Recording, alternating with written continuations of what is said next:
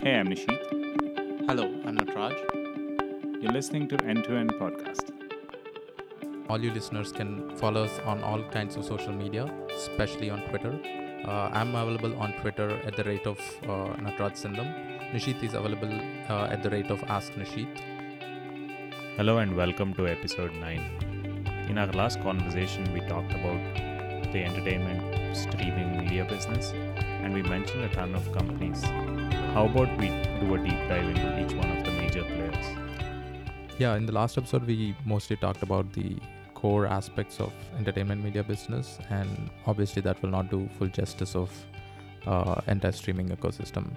So, it would be great if we could uh, analyze each of the companies, what their strengths and weaknesses are, and who's innovating on what. So, yeah, let's do it. I'm excited. I think we should start with Netflix because it was the pioneer in this space and basically opened up the world of streaming to everyone. Also, it was the first streaming service that I subscribed to. Yeah. Uh, so Netflix. I mean, we can't talk about streaming business uh, without talking to talking about Netflix.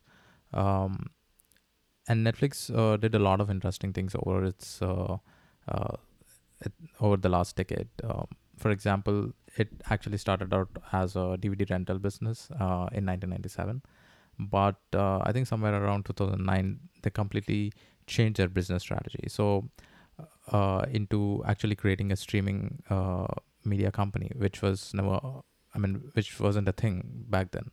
So in terms of uh, innovation, I think if you just look at about their strategy, I think they have uh, two major shifts in strategy over its uh, lifetime. One is uh, changing from DVD rental business to uh, you know online streaming media company, and within after becoming that online streaming company, they actually pivoted from hosting other media companies' content to making their own content, which which is a shift in strategy, which was more uh, strategically uh, seismic in the whole industry itself.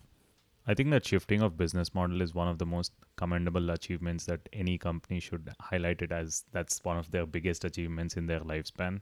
Because if you think about the other DVD lender business, which was Blockbuster, they failed to transition to this new territory. So now they've become a no name business. Yeah, I think uh, Netflix probably biggest innovation it was in terms of business strategy rather than anything.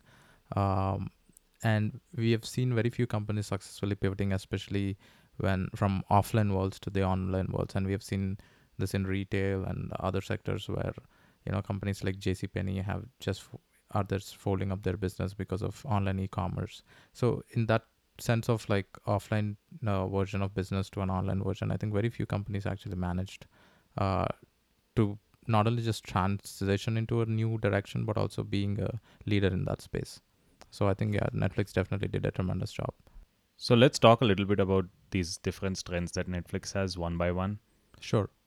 Uh, so uh, the first one that comes to mind is uh, obviously their innovation in technology because uh, for most part i think it's fair to say netflix has been a tech company rather than a media company. I think it's last five years when they actually doubled down on their uh, media strategy of you know producing and acquiring new content. But before that netflix you can say they're pioneer in defining what a streaming business is. Uh, so if you comp- even if you compare with other new coming streaming services or existing players, I think you can clearly see them uh, ahead in terms of technology. And behind the scenes, they've innovated a lot in terms of uh, how they have to, you know, deliver the best experience to consumers wherever they're listening and whatever device they are listening to. Uh, one of the uh, few relatively unknown examples, and if, if you're a developer, you would probably know, or um, uh, which is their innovation in terms of uh, you know improving the recommendation systems algorithms that now you see being implemented everywhere in all the streaming content so netflix was an early adopter and in a way pioneer. I remember this uh, uh they had this 1 million dollar competition uh, to improve the efficiency of their uh, recommendation algorithm that they did i think in 2011 or 13 i might be wrong on the day but that's one of the few uh, ways you could see Netflix was innovating back then in terms of technology.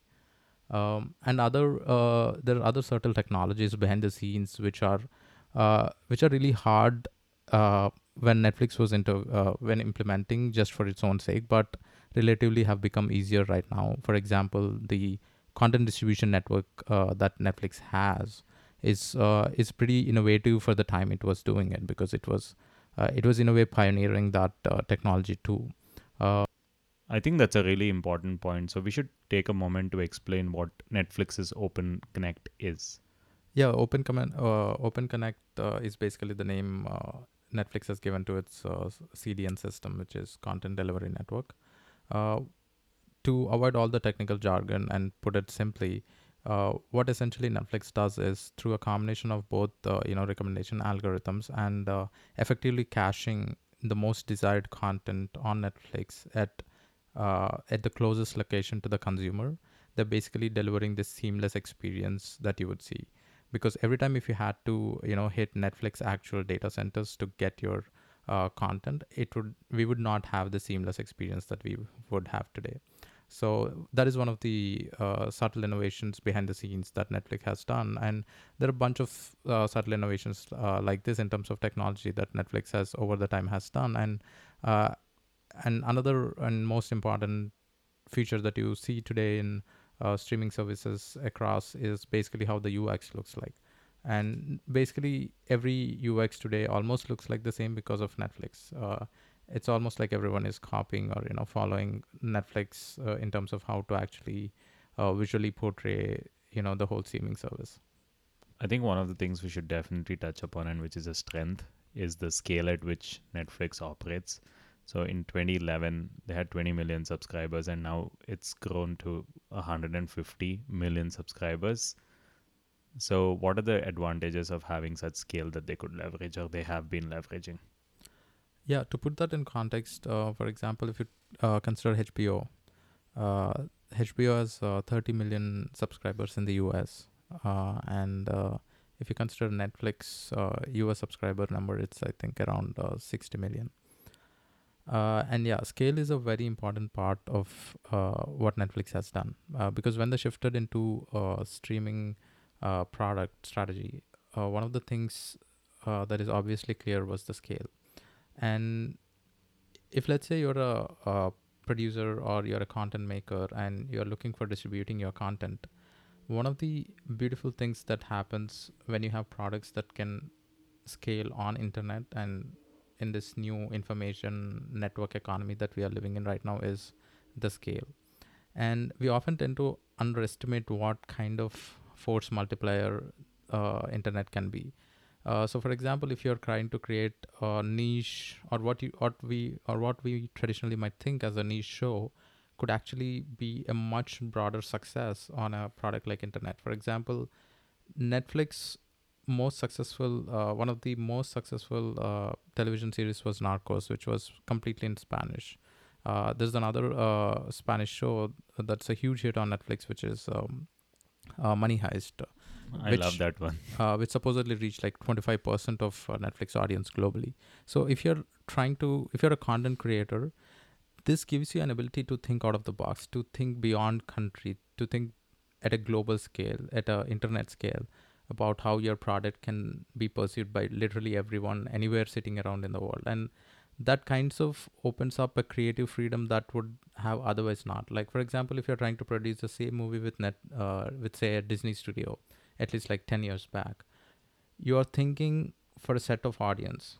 You're not uh, you have to basically narrow it down to a set of audience or you have a particular strategy hey let's do one version for this audience versus another version for this audience. But what is happening with this uh, global scale is now creators can think out of you know have no limitations in terms of who their audience is because they can tell their stories in the purest form they think is the actual story is. They don't have to you know think that hey this will only attract a niche audience. Because because of the scale the niche is no longer the niche. It it's so big that you cannot call it niche anymore. And i think like the other aspect of it is from the user standpoint so previously, what you would have watched is like content on where you were physically located, and you had to wait for the big releases, and it was only the big movies which made it across different countries. But now, like this whole model, but Netflix adopted, you a person sitting in the U.S. or probably even in Australia or China could watch a, a show which is totally in Spanish and made for the Spanish audience. Yeah, probably not China, but yeah, that's absolutely right. So, I mean, Disney also has that scale in a sense, but it it's a different scale, right? They release it in a theater, so unless if the product is actually controlled in a way that it is not truly accessible to watch a Spanish show sitting in somewhere in Africa or in India or North America or somewhere else. So, this kind of expanded the whole market in a ways. All like fantastic points which show a bull case for Netflix, but what would be like some of the negatives? Also, the bear case, right? Yeah. Yeah. So Netflix obviously has some great positives in terms of tech and you know how they pioneered streaming media, but uh, there are a couple of negative points in the way currently their business strategy is, and that comes, uh, for example, the way they're producing content. So I believe, and I don't have any data to back this up actually, because most of the data is not available uh, anywhere for you for us to research. But my belief is. Uh, Netflix is actually producing content at a much higher cost than a traditional uh, studio producers. For example, what do I mean by that is, let's say Net, uh, Disney is making a movie and or Warner Brothers is making the same movie and Netflix is making the same movie. So who would make uh, the movie at this uh, at the lowest cost? Probably Disney or Warner's brother Warner Brothers because uh, because of their ownership and of uh, movie studios and their vertical integration across the movie stack. Uh, while Netflix is great at technology, they don't really have strengths in terms of you know owning a film studio or a huge catalog or huge relationships with existing distribution or per se like existing uh, creative communities. So my assumption or my theory is that uh, Netflix is actually producing the same content at a higher cost than a usual studio produces, and uh, and and some of these like things that you mentioned, which is like to bring down the efficient, to improve the efficiency and bring down the cost. Some of these relationships with the creative community are things which take a very long time to build, and companies like Disney have had a tremendous, always have a tremendous advantage there. Yeah, uh, and Netflix is trying to actually bring more efficiency into this process. Uh, I have, I know they were working on an application which is like helping, you know, producers and executive producers to bring in like, you know, you can imagine this like kind of a, a CRM for you know movie making. So there's some kind of experimentation going on, but at the end of the day, uh, if you know, uh, Tyler Perry has created uh, his own studio recently in Georgia, Atlanta, uh, and if Tyler Perry seems there is a need for him to vertically integrate and produce his own shows and his own uh, movies on his own studio, uh, then I think you can make a case that hey, Netflix also should actually maybe start creating these offline assets, uh, which could actually help them reduce the cost down uh, in terms of their content, uh, uh, you know, their original content strategy. I remember reading somewhere, but I'm not sure about this. Did they acquire a studio?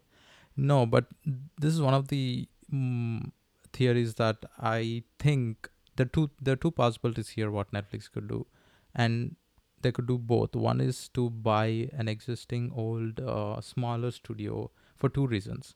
One is to acquire this production strength so that you can produce your own movies on your own actual physical studios and you get uh, you know bunch of assets with that and the second reason for the second part, reason why you should do that is because you get some amount of catalog that this old studio already has, which is actually a boost to your own platform, especially when you compare that, hey, Disney has been around for 100 year old and it has a bunch of, uh, you know, movies and TV series on its catalog while Netflix doesn't. So in combine those two, I think there's a, uh, there's a case where, for why Netflix should acquire a smaller studio. And another uh, prediction sort of my prediction is netflix will also start acquiring um, a theater chain it's probably a smaller ones.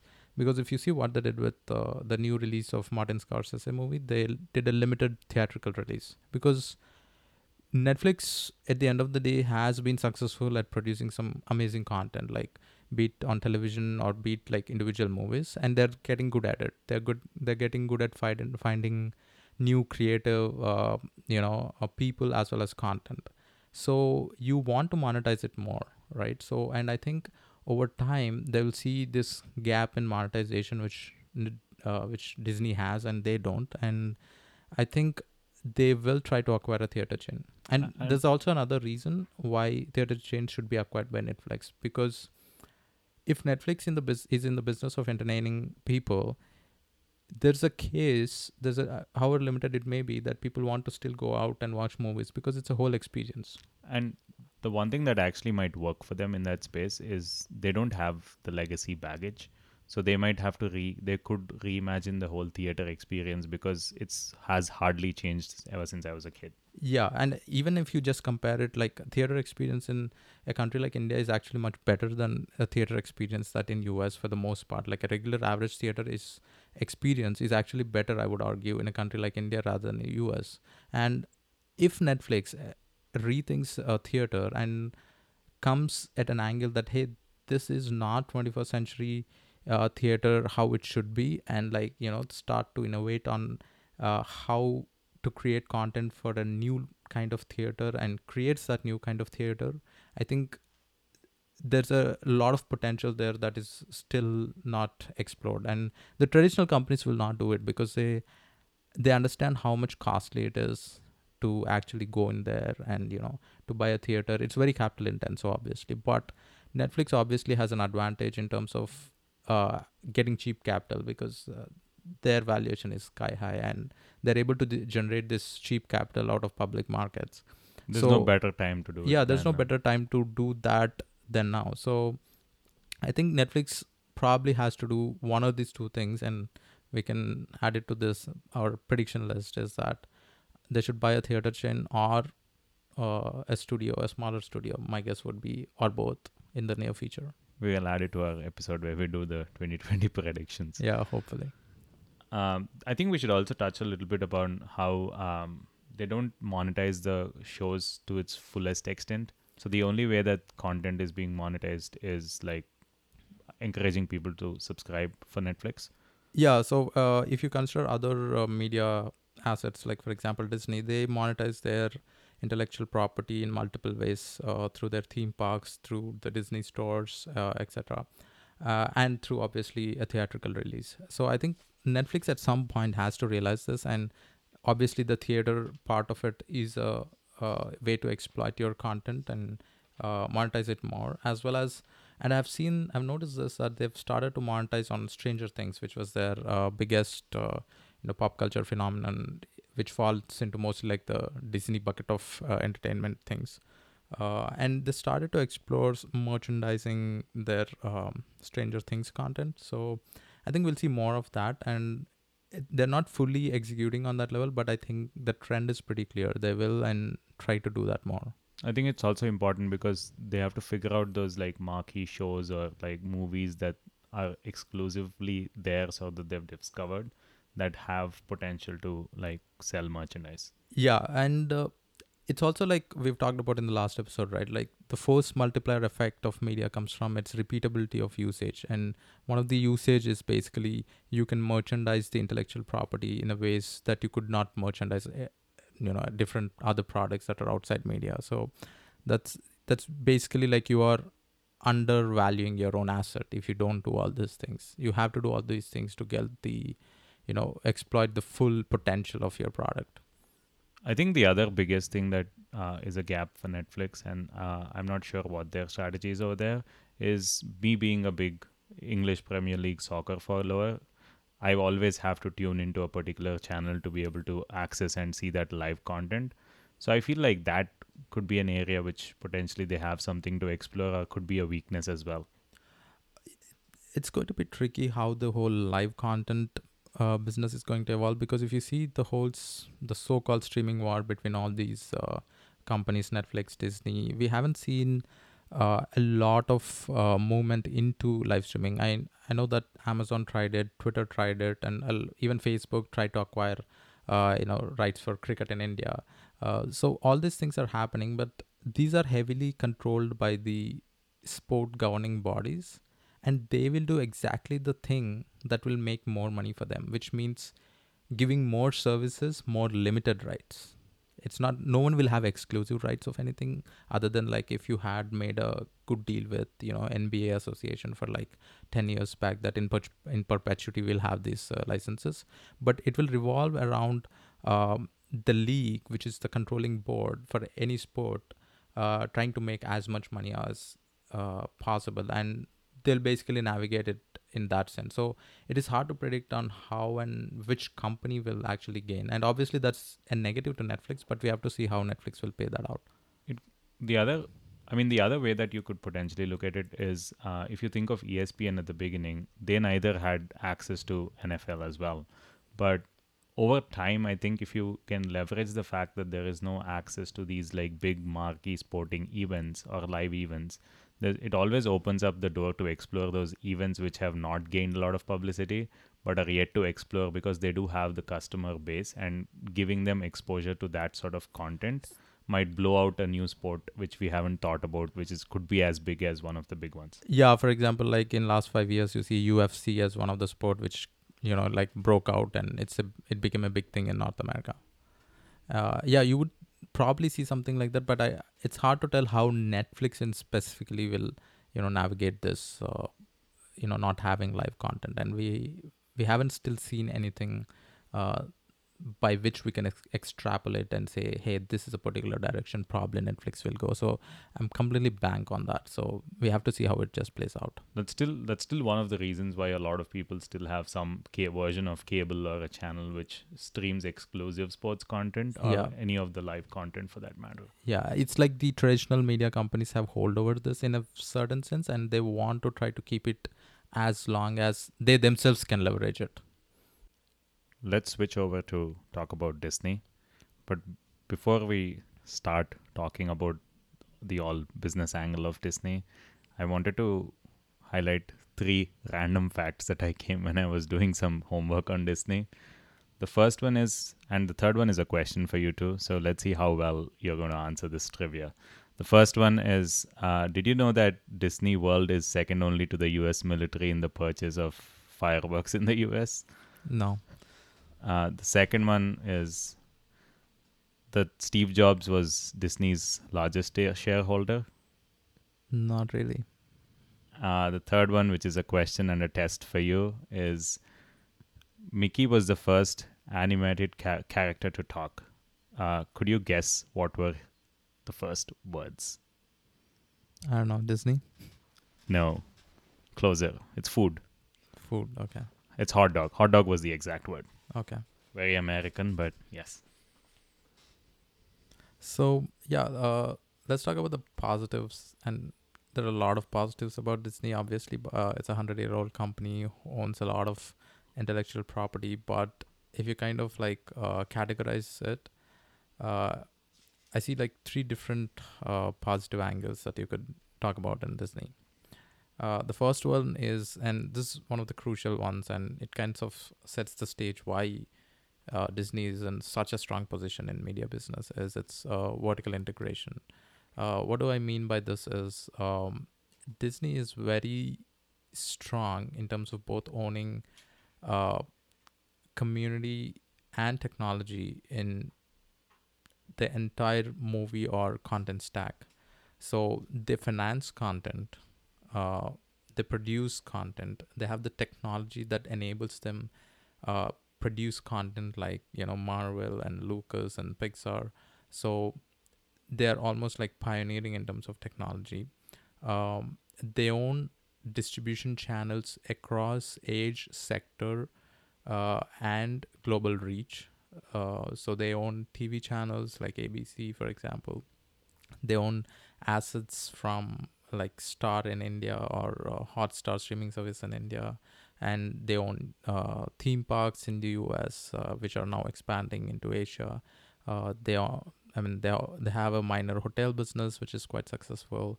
Uh, they have Disney stores, which is into retail, and they're basically doubling down on their own intellectual property by converting them into merchandise. Um, and at the end of the day, if you look at uh, the entire revenue that comes out of uh, theaters, almost 50 to 60 percent any in any given year goes to disney.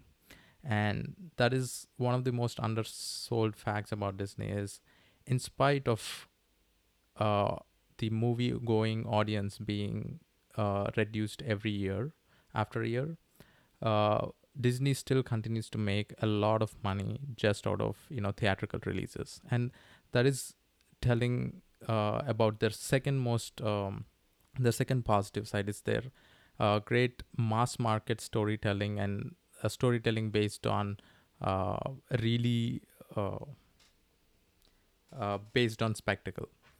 So if you consider, I mean, this is one of the understated points about Disney's ability to tell stories. Um, if you consider movie art, I mean, MPAA, the association which publishes all kinds of statistics on movies, uh, the audience that is going to movies, in especially in terms of theaters, has been gradually slowing down, or has you know it reached its peak at some point, and it's it's pretty flat. But Disney keeps on making these billion dollar movies, and in some cases, two billion dollar worth movies, and they've really gotten good at telling this uh, you know phenomenon based storytelling especially. And they've proven it time and time again. Like look at how marvel has turned out over the years. Like that's and you see this kind of long term thinking in terms of storytelling. It's not just like it's a cheap trick. I know like recently martin scorsese called uh, uh, marvel as you know it's not really cinema.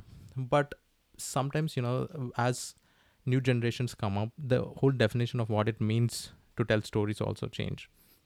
So if you think about just the storylines the way they are approaching in terms of you know marvel storylines it's a very long uh, engaging arc. Like if you see all the different each individual characters as well as they all coming up as you know avenger series and you know having this grand finale while also developing those characters over like 8 to 10 years. Now imagine a story that they're invested into and they've decided to tell it over 10 years.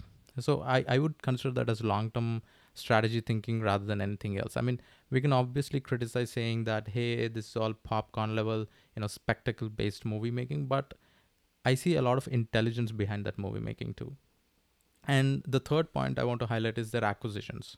I mean they have made some incredible acquisitions over the time like uh, especially creative assets like lucasfilms or you know marvel which was originally an acquisition and how did they leverage uh, those creative assets and really build on them and create these humongous successes out of those businesses which was never really done anywhere. So we're obviously focused on how netflix has changed the game through streaming but if you really get into the storytelling aspect of it i think this is kind of like underrated uh, and it's an underrated innovation that did, uh, disney did is tell these massive stories at a massive long term scale.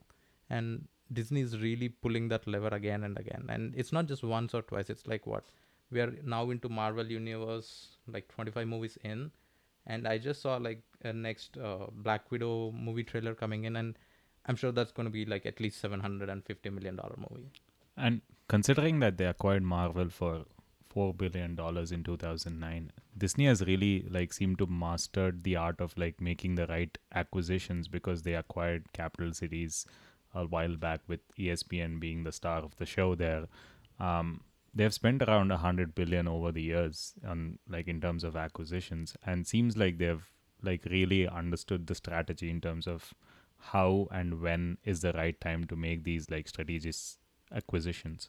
Yeah and that that is i think I, uh, why like a lot of uh, this bullishness for disney is because they're really good at storytelling and at the end of the day creative business is all about storytelling and they seem to be uh, managing to do that everywhere and even including uh, with the initial uh, um, series that they've released on disney plus you can see that how they're constructing uh, uh, their platform for more of a long-term strategy than a short-term one so you could i I always see Disney making more of a long term decisions than short term decisions, and that I think one of the underrated uh, things of Disney.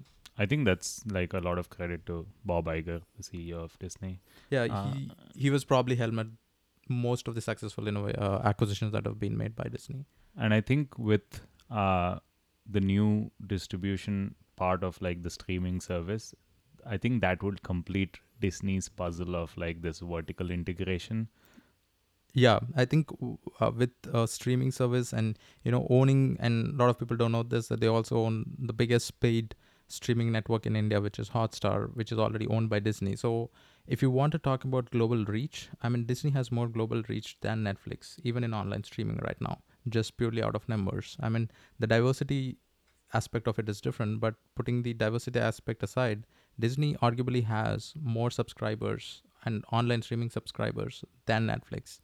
Um, and people don't know about this. So they they have a head start in India. They have a head start in China with their other assets, where where Netflix has literally uh, no basically business exposure. So in terms of all round capacity, not just as a creative content maker, but also in the sense of business strategy, Disney has really excelled over time in building up these long-term assets. Uh, and you can see that because only few companies actually succeeded into, you know, doing business in China, and one of the few ones is Disney. With such a successful company over almost hundred years, it's hard to say what their weaknesses are. So let's let's talk a little bit about when they enter this business of when they're in the business of streaming. What are the few hurdles that they would have to overcome to build a successful streaming uh, business? Yeah, one of the few hurdles I see uh, in Disney is uh, obviously they started late. If you compare with when Netflix has started, it's almost now I think nine or ten years uh, when Netflix has started building out their own uh, streaming service versus Disney starting just like a year back. So that's one. Um, that's one basic uh, hurdle they have to overcome, and even though it's a hurdle, a lot of technology is now right now commoditized. So uh, it's still uh, achievable, but whenever you're trying to scale any product from zero users to say 200 million users it's always a tough road and you have to obviously you know build that uh, technology muscle uh, inside the company. So that i think is one of the uh, things that netflix uh, sorry disney has to overcome over time. Um, and another uh, uh, negative it's it's sort of a minor self cornering that disney has is if you think about all the content spending that's happening across the media sector and by different companies. Uh, and if you look at Disney Plus as a streaming service, they have positioned themselves as more of like a, uh, you know, this is a streaming service you need uh, if you are a family and if you want a family viewing experience. So, in a certain sense, they have self cornered themselves, uh, which might uh, limit their creative uh, experimentation ability. So maybe they will not be as experimental. I don't know what their behind the scenes thinking is. Uh, like if you want to push boundaries in certain categories, it might not necessarily fit into that category of hey, uh, this is a family audience worth kind of show. So if you kind if you build that filters onto your uh, creative decision making, it might get hard to discover the next big show like a game of thrones or for example uh, a black mirror kind of a show. So i'm not sure what their thinking is behind and how to leverage you know different aspects of storytelling but i see that it's not as a negative but it's kind of like a self cornering uh, uh, you know the whole media experimentation market. I, I think to add on to that the one thing i would probably say is if you go on to disney plus versus if you go on to netflix one thing feels familiar, but on Netflix, you probably have the potential to discover something which you would not have potentially like actively looked for. So there is an experience difference of familiarity versus delight, which I don't know how they're thinking of to your point of overcoming and building those like pleasant surprises while subscribing for Disney Plus. Yeah, pr- probably Disney might be thinking that uh, since now they also own Hulu, they might be thinking that they will you know separate and differentiate these two uh, streaming services in that way. And since they also own some of the global services uh, streaming services they could probably you know direct you know different kind of creative content into different mediums. I think that i could see probably happening.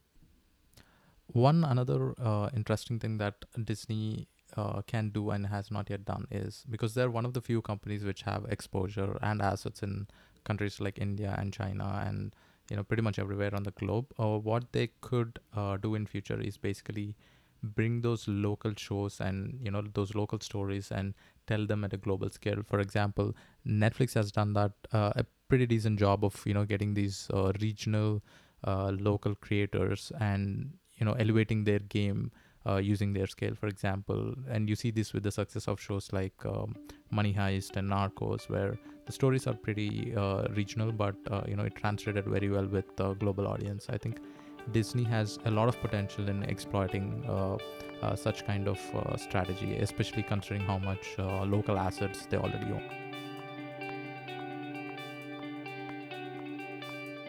Time, all you listeners can follow us on all kinds of social media, especially on Twitter.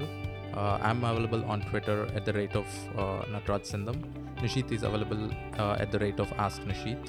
Uh, thanks for tuning in, and this is End to End Podcast.